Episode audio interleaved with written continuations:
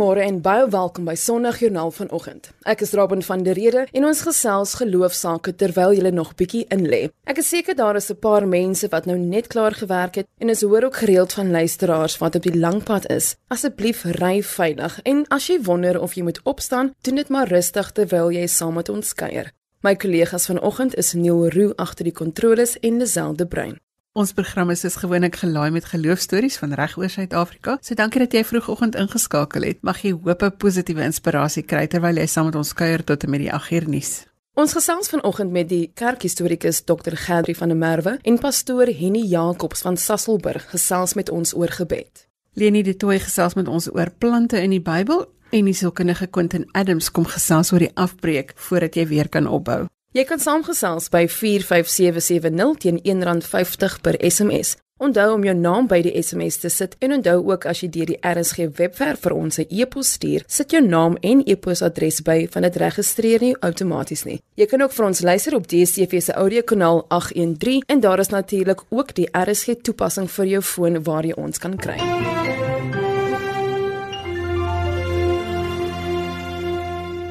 Dr. Gerdrie van der Merwe 'n afgetrede predikant en boer en hy's ook 'n kerk- en kultuurhistorikus en vanoggend wil ek by hom hoor wat die werk van 'n kerkhistorikus is. Goeiemôre Gerdrie. Goeiemôre Lisel. Dit is 'n voorreg om met so 'n sonskyn mens soos jy te kan praat. Hoe word mense kerkhistorikus?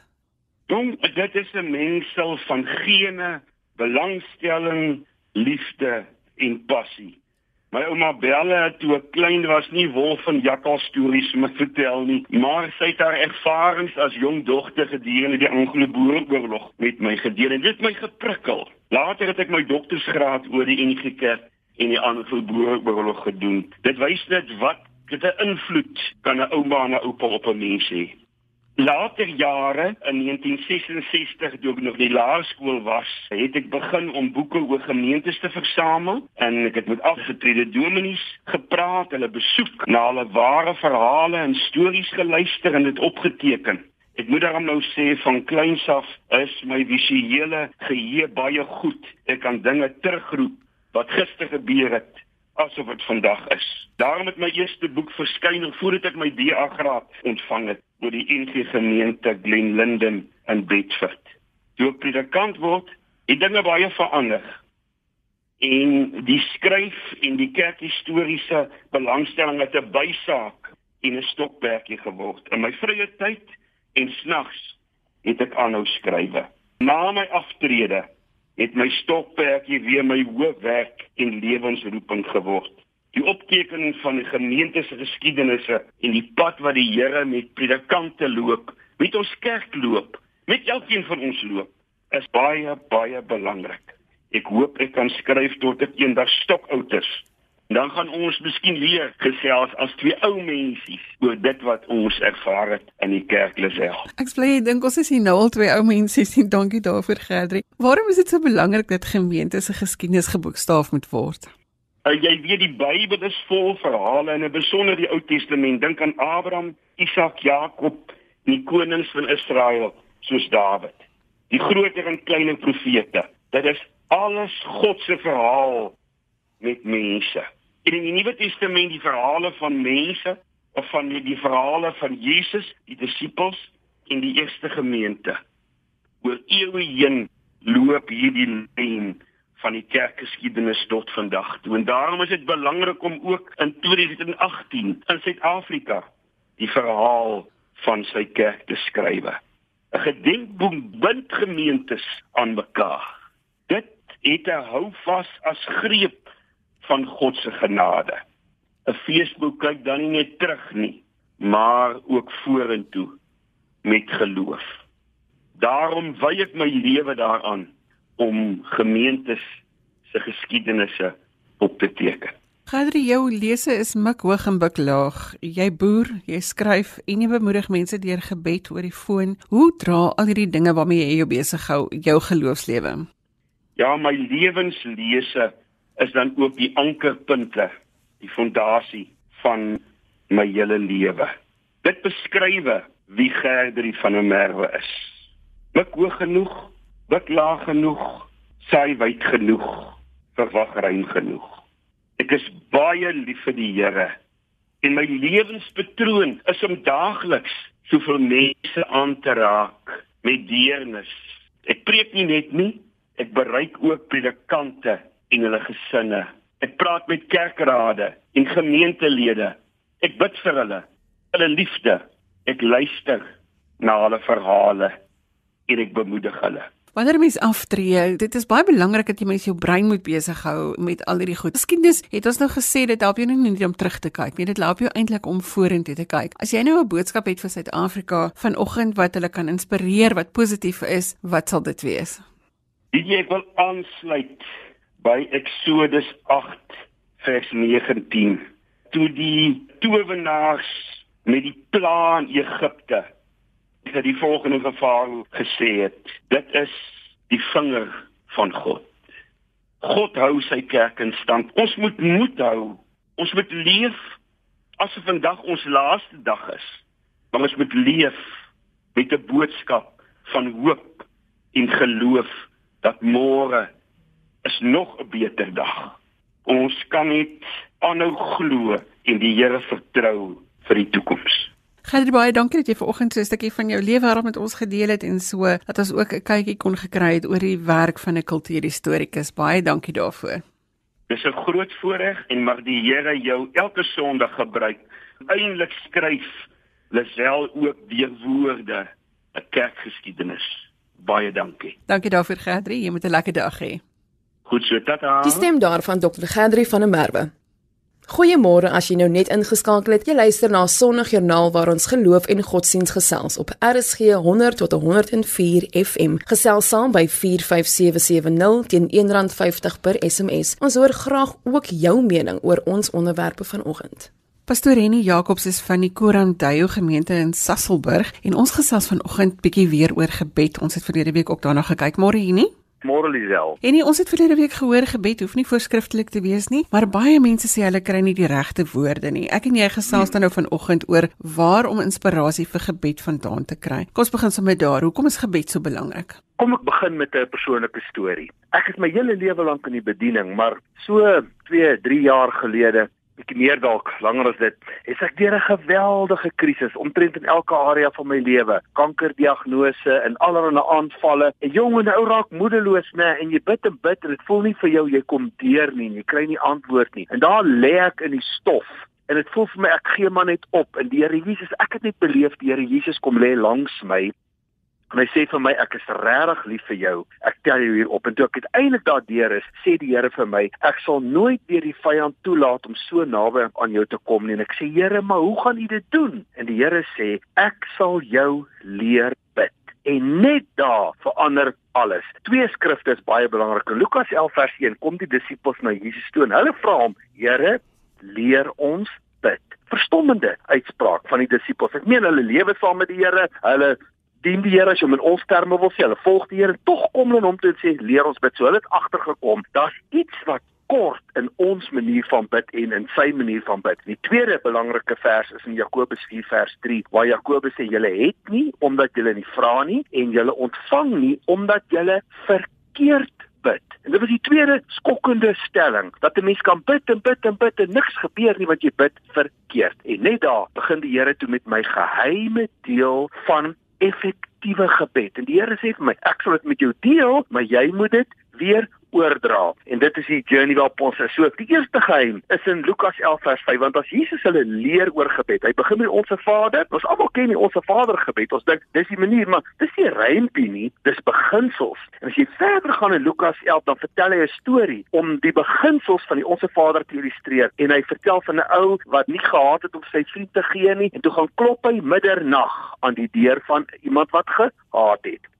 Eerste geheim dan is effektiewe gebed. Daar's 'n gebed wat krag dra wanneer jy middernag bid. Niemand het my dit ook vertel nie. Handelinge 16 Paulus en Silas in die tronk in moeilike omstandighede en hulle bid middernag. Dawid, mees suksesvolle koning van Israel, Psalm 119 vers 62 sê: "Middernag staan ek op." En dan het hy die ander geheim om U te loof vir U regverdige verordeninge vir U woord. En hier kom dan die geheim van effektiewe gebed is wanneer jy nie jou slagoffergebede bid nie, maar woord begin bid. Dis die geheim. Dis die sleutel. Nie ag Here help my slagoffer. Ag Here, maar woord gebede. En toe vertel die Here my dat ek 'n skrifbelofte moet vat. Na 7000 in die woord van die Here net. 7000 beloftes om 'n skrifbelofte te vat en dit oor te skryf in 'n kort, kragtige verklaring.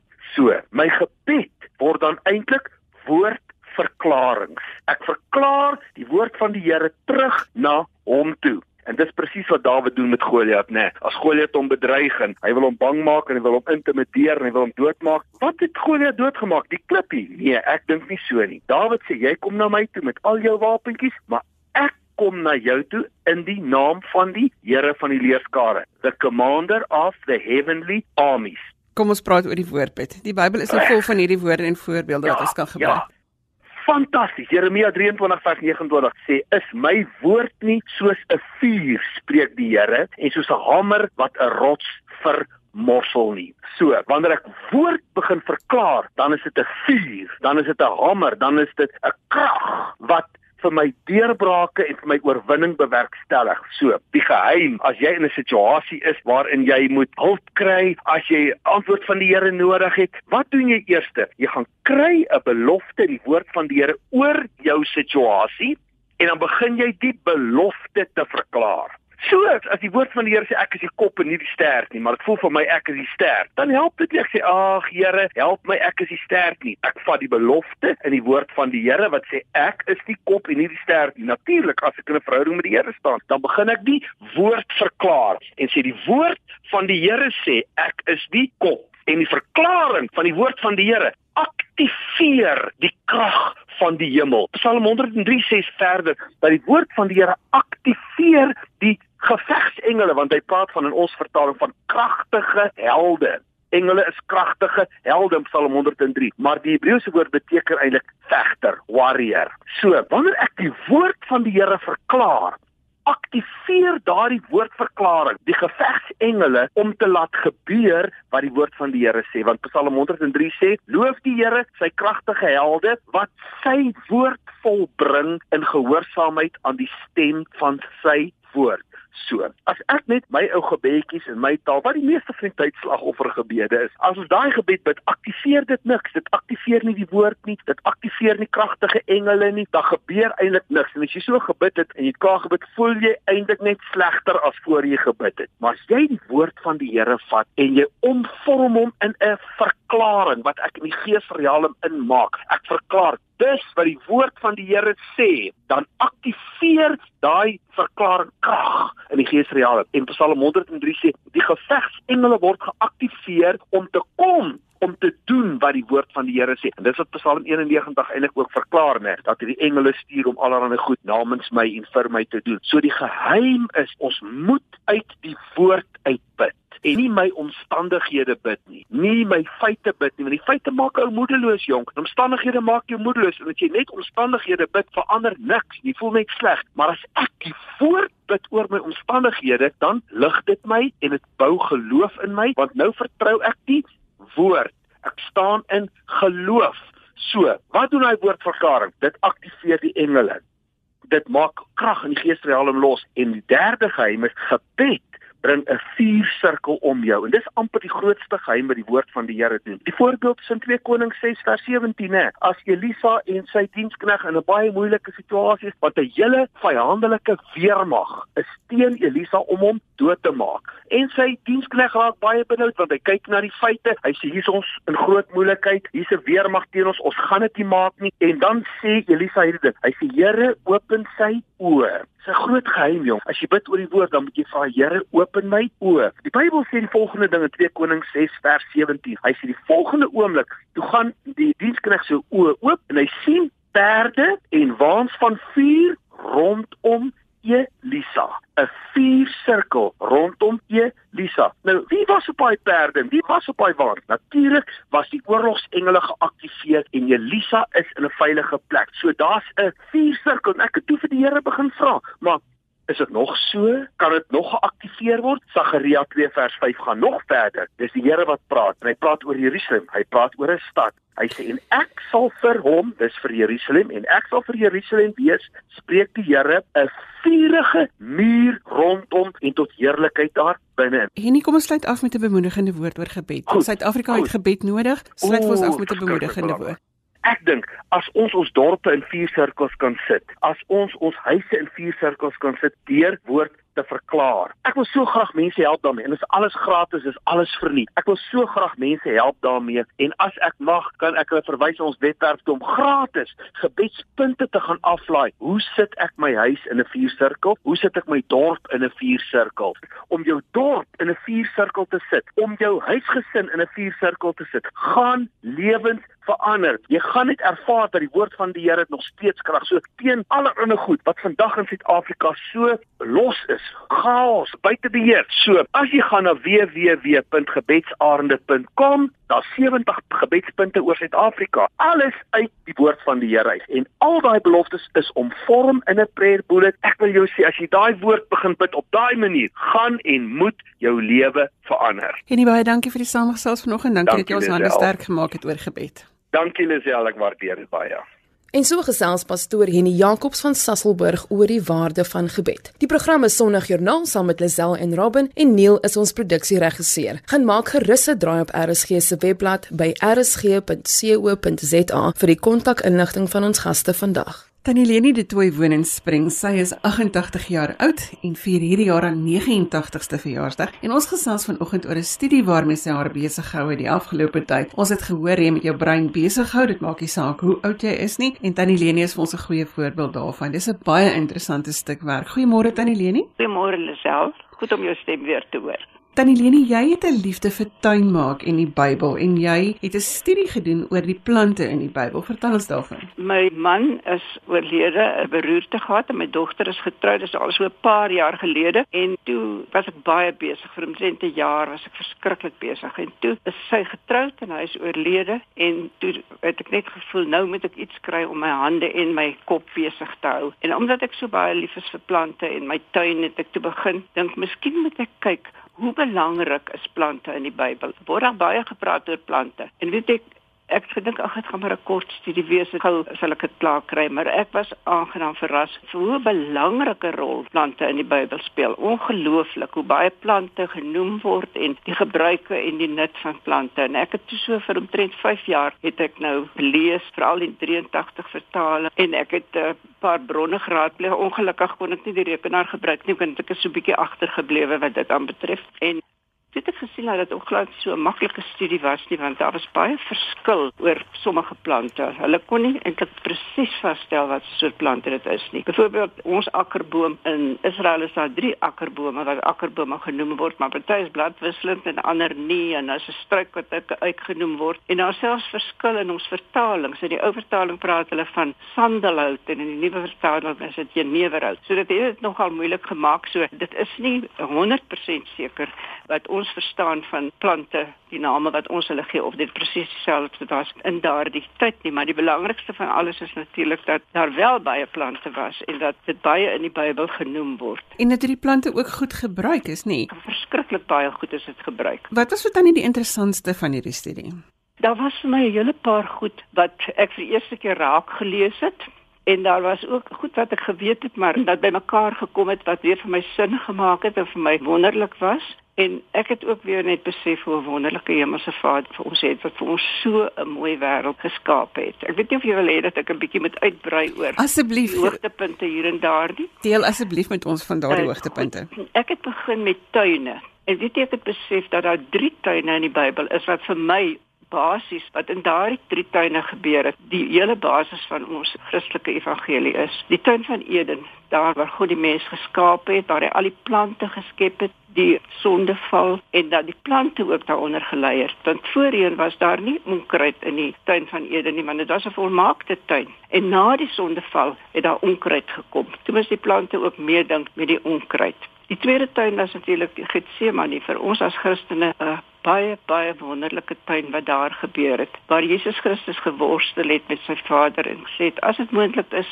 dat hierdie beker by my verbygaan. Maar waar hy uiteindelik gesê het Vader nie my wil nie maar laat u wil geskied. Dat hy gewillig was om sy lewe vir ons af te lê in die tuin van Getsemane het daardie besluit gekom. En die verraad van Judas sy disippels wat hom verlaat het dit was eintlik baie treurige dinge wat in daardie tuin plaasgevind het Dan die laaste tuin is die tuin van Josef van Arimatea waar sy liggaam in die nuwe graf neergelê is na sy kruisdood en die opstanding 3 dae later wat vir ons as Christen natuurlik oneindig baie beteken want sy oorwinning oor die dood het vir ons ook die ewige lewe moontlik gemaak. So daardie tuine was baie belangrik. Ons baie ander tuine word ook genoem, byvoorbeeld groentetuine, kruietuine, koningstuine en dan die een tuin wat ek nooit van tevore raak gelees het nie, was die godetuine. Dat afgodsdienaars het ook tuine gehad. Hulle het in optogte na die tuine toe gegaan. Hulle afgodsbeelde was daar. Hulle daar vir hulle offers gebring en hulle aanbid. En baie van die Israeliete natuurlik ook begin om die afgode daar te aanbid. Die volgende afdeling is dan oor bome, groot bome wat nie by die naam genoem word nie. En daar het ook baie dinge onder groot bome plaasgevind en die bome is dit was ook soos van vernoem na wat daar plaasgevind het. Byvoorbeeld Deborah is onder 'n boom begrawe en dit is toe die huilboom genoem. Daar was 'n waarsêersboom, daar was bome van redding geweest. Nou dan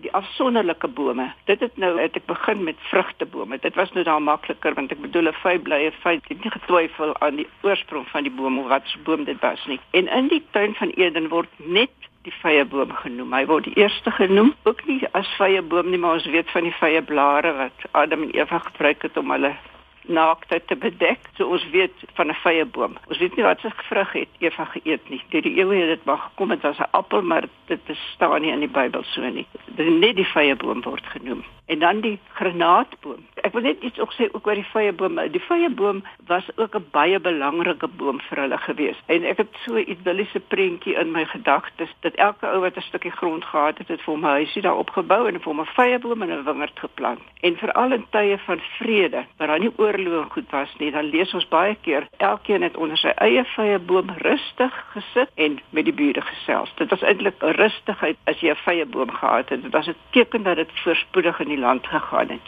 Dan 'n granaatboom, daar wil ek net een ding sê. Ek het gedink granaatsap is nou maar 'n ontdekking van onlangs want dit is nou baie populêr op die oomblik. In Hooglied lees ons reeds dat sy gesê het ek sal graag vir jou van my verfrissende granaatsap wil gee niks nie sonder die son nie, nê. Nee. Dit klink nie vir my so nie. Ja, en dan die olyfboom was natuurlik 'n baie belangrike boom omdat hulle die vrugte geëet het. Die olie was natuurlik die belangrikste van alles. Dit is in lampe gegooi om lig te verskaf en dan het salfolie gemaak. En dit was my verskriklik interessant. Dit is iets wat ek die eerste keer in die Bybel gelees het dat daar ook 'n volledige resep is oor hoe om daardie salfolie aan te maak. Die basis was natuurlik olyfolie en hulle sê presies die hoeveelhede van die verskillende kruie en speserye wat in daai olie gegooi moes word. Die hoeveelhede word aangegee. En daardie salfolie het ook 'n voorwaarde daaraan gehad. Die gewone mense mag dit nie aangemaak het nie, net iemand wat bevoegd was om dit aan te maak. Ons het wel gesê vandag net die apteker mag dit aangemaak het. En hulle mag dit ook nie gebruik het nie. Dit was gewyde olie en dit was net bedoel vir die salwing van uh, belangrike persone soos konings en priesters en dit is gesprinkel op die klere van die priesters en op die altaar en so. Die gewone mense het reukolie gemaak. Seker hulle eie resep gehad en dit het hulle hoofsaaklik gebruik vir persoonlike versorging. Hulle het dit aan hulle velle gesmeer omdat dit 'n so droë land was. Het dit natuurlik nodig gewees dat hulle moes olie aan hulle velle smeer. En dit het natuurlik nog lekker geruik ook want ek meen daar was ook nou nie baie reën en baie water in Israel gewees nie. Danielenie, ek hou vir ure na jou luister oor al hierdie interessante onderwerpe en ek dink ons moet weer daaroor praat. Ek wil graag vra, wat het dit vir jou geloofslewe beteken? Hierdie studie wat jy so met die woord mee besig was, hierdie navorsingswerk wat jy gedoen het. My geweldig baie beteken. In die eerste instansie, ek moet net sê, ek het vir 5 jaar lank met die navorsing gedoen. Toe dit ek 'n bietjie eenkant toe gelos, maar my skoondokter het my aangepor om dit klaar te maak en ek is so bly ek het dit gedoen want dit vir my baie beteken. Terapeutiese waarde gehad vir my en ek het die Bybel van 'n ander kant af sien wat ek nog nie van tevore aandag aan gegee het nie. En ek het opnuut besef hoe wonderlike hemelse Vader ons het dat hy vir ons so 'n mooi land geskep het. En ons in Suid-Afrika behoort nog dubbel dankbaar te wees vir al die mooi wat hy vir ons gegee het. Ons kon net sowel op die maan beland het of op Mars en ek weet hoe lyk dit daar, maar hy het vir ons 'n wonderlike wêreld geskep. En ek het opnuut besef hoe wonderlik dit is dat ons hier op die aarde kan woon en dat ons sy almag kan sien in elke plantjie en elke blommetjie wat hy vir ons geskep het. Maar ons het ook 'n verantwoordelikheid. Hy het vir Adam en Eva gesê, Julle moet die aarde bewoon, bewerk en bewaar. Julle moet dit oppas en dit is ons as Christene se verantwoordelikheid as mense hier op die aarde om dit vir ons nageslag te bewaar. Ek het die liedboek van die kerk ook bygewerk en daar ook versies gekry wat dan pas by die onderwerp wat ek behandel het en ek het nuwe waardering vir ons liedboek ook gekry vir die pragtige verse wat daar ook in is. En ons kan net elke dag ons hemelse Vader dank vir die kosbare geskenk van die aarde wat hy vir ons gegee het met al die plante daarop. En ons verantwoordelikheid is om dit aan ons nageslag na te laat dat hulle nog ook die mooi sal kan sien en die Here se almag en sy voorsienende liefde daarin sal kan sien. Dat hulle ook sal kan sê, met snoere het vir my lieflike plekke geval en my erfenis is vir my mooi. Tannie Leni, baie dankie dat jy vanoggend 'n stukkie van daai werk met ons gedeel het. Tannie Leni het nie eers 'n e-posadres waar ek nou sê jy kan vir haar skryf om uit te vind oor hierdie werk wat sy nee. gedoen het nie. maar ek is nie geletterd nie. Rekenaar geletterd nie, Tannie klink vir my baie geletterd. Tannie Leni, baie dankie dat ons 'n bietjie kon gesels oor die werk wat Tannie doen. Baie dankie vir die saamgesels. Ag baie dankie vir die voorreg wat ek gehad het en dat julle my die geleentheid gegee het om hierdie liefde van my vir plante en tuine ook met ander te kan deel. Dis al gesels met Tannie Leni de Toy van Springs. Ek moet sê ek hoop ek kan op 89 ook nog so aktief wees, net soos Tannie Leni. Ons gesels geloofsaake tot kort voor 8uur wanneer dit tyd is vir die nuus, maar nou is dit eers tyd om te hoor hoe 'n mens kan opbou deur eers af te breek. Quentin Adams is opvoedkundige sielkundige en ons ken hom as die man wat help om Shacks leefbaar te maak. Ons gesels vanoggend oor dekonstruksie vir rekonstruksie. Goeiemôre Quentin. Goeiemôre Lisel en goeiemôre luisteraars. Kom ons begin by wat ons leer uit wat jy doen. Hoekom moet ons eers afbreek voor ons kan opbou? Ja, ek dink dit is baie belangrik hierdie shack building proses het vir my persoonlik diep geraak. Ek het baie lewenslesse geleer uit hierdie shack bou proses, behalwe die armoede wat ons sien en die uitdagings van die omstandighede waarin mense lewe, maar dit is veral hierdie afbreek breek van die ou shack en die bou van die nuwe ene wat vir my 'n groot lewensles geleer het. Wat ek dink wat baie mense in Suid-Afrika kan help en mense in kerke en Christene en almal wat in geloof is, kan hierdie beginsel gebruik en dit gaan basies daaroor dat ons kon nie 'n nuwe shack bou alvorens ons die ou ene afgebreek het nie. En wat vir my baie belangrik is is hoe mense reageer wanneer ons vir hulle sê ons gaan vir hulle bou, dan is hulle opgewonde, maar die oomblik as hulle moet hoor, hulle moet die ou ene met hulle afbreek, dan is daar direkte weerstand wat hulle teenoor ons toon wanneer ons dit vir hulle sê. En dan baie baie belangrik is dit is wanneer ons begin te afbreek, dan word mense blootgestel want ek hou veral van die afbreek van die shack want dan sien ek die toestand waarin hierdie ou shack is. Ek sien die gehawendheid ek sien hoe stikkend dit is ek sien hoe dit onveilig is. En dan staan die mense daar en hulle staan ook in verwondering om regtig te sien die toestand waar hulle in is. En dit is waar dit gekom het dat ons afbreek om op te bou ons dekonstruk vir rekonstruksie. Meeste van hierdie ou shacks is nie met 'n plan gebou nie, nê. Hulle is eintlik net aan mekaar gesit met afvalmateriaal. Dit laat my so dink aan ons lewens, wat net so bymekaar getrek is en ons is nie altyd bewus dat ons nie gebou het met 'n plan nie.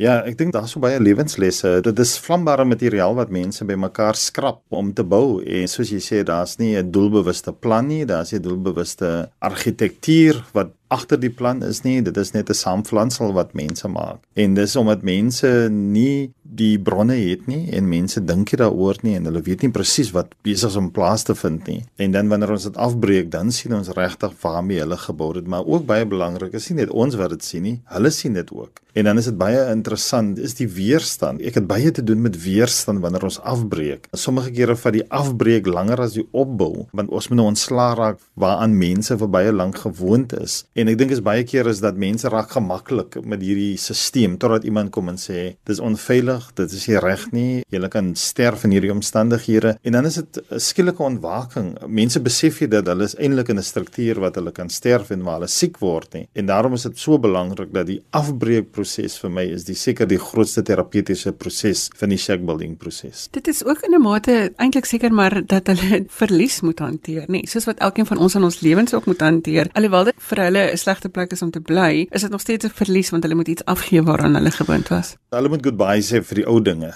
Hulle moet totsiens sê vir dit wat oud is. Maar dis ook 'n ontblotingsproses. Want wat gebeur as ek kry nou kans om te sien hoe lyk dit in hy kamer? Ek sê kry 'n kans om te sien hoe lyk dit in die huis. Die armoede word heeltemal ontbloot. En ek dink in my persoonlike lewe as ek daar wegstap, dink ek daar's so baie verdedigingsmeganismes en skanse en maskers wat ons dra. En mense weet nie regtig wie is die werklike jy nie totdat jy afgebreek moet word. En ek dink dit is hoekom ons so sukkel om rekonstruksie te laat plaasvind. Dit is nie dat mense bang is vir die nuwe ding nie. Mense is bang om die ou ding af te breek en dit wat vir ons terughou. En as ons deur daai pynlike proses of ontblotingsproses waar ons blootgestel word. Baie van die mense voel skaam as hulle sien Quentin sien nou werklik hoe lyk die omstandighede waarin hulle is. En ek dink as ons deur daai prosesse gewerk het en daarom kry ons baie weerstand deur daai prosesse. As ons daardeur gewerk het deur daai moeilike proses en pynlike proses en die feit dat mense skaam voel daaroor, as ons daardeur gewerk het, dan in die site is geklee soos ons noem en die fondasie is reg. En sommige kere moet ons dieper gaan, dan vind ons dit daar's konkrete blokke daaronder, daar's ou matrasse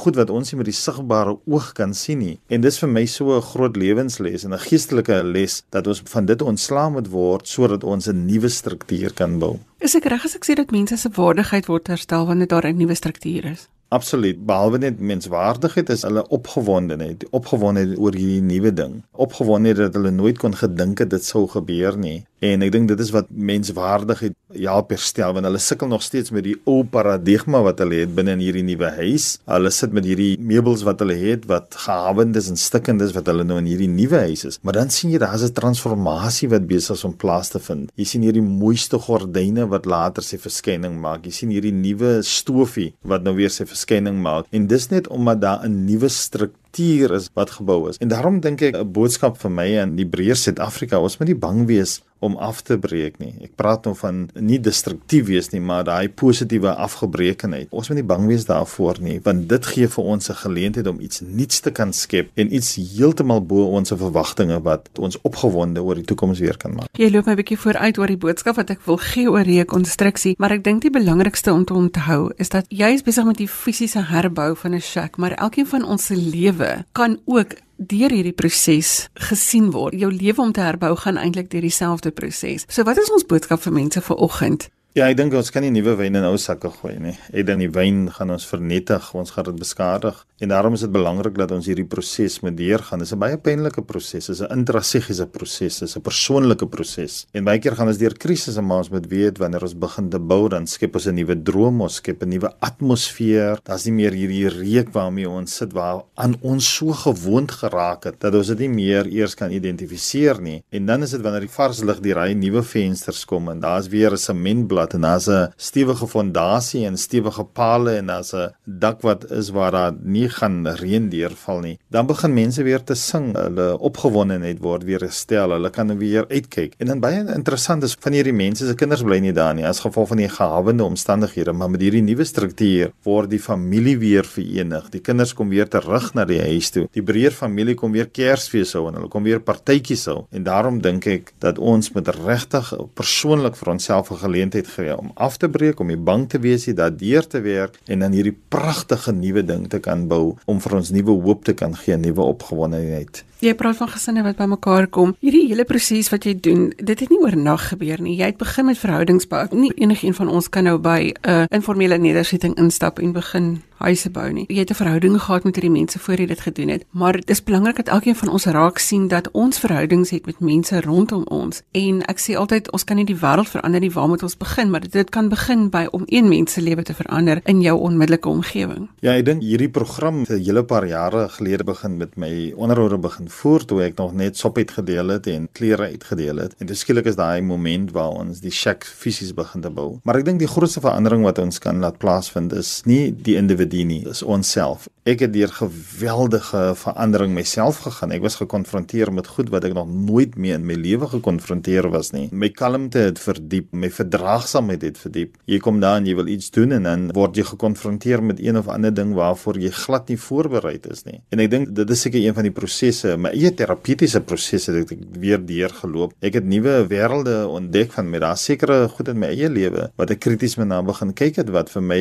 verhoed om 'n beter rol en 'n groter rol te kan speel om verandering te laat plaasvind in ander mense se lewens. En dit was omdat ek gekonfronteer was met hierdie hele konsep van dekonstruksie vir rekonstruksie.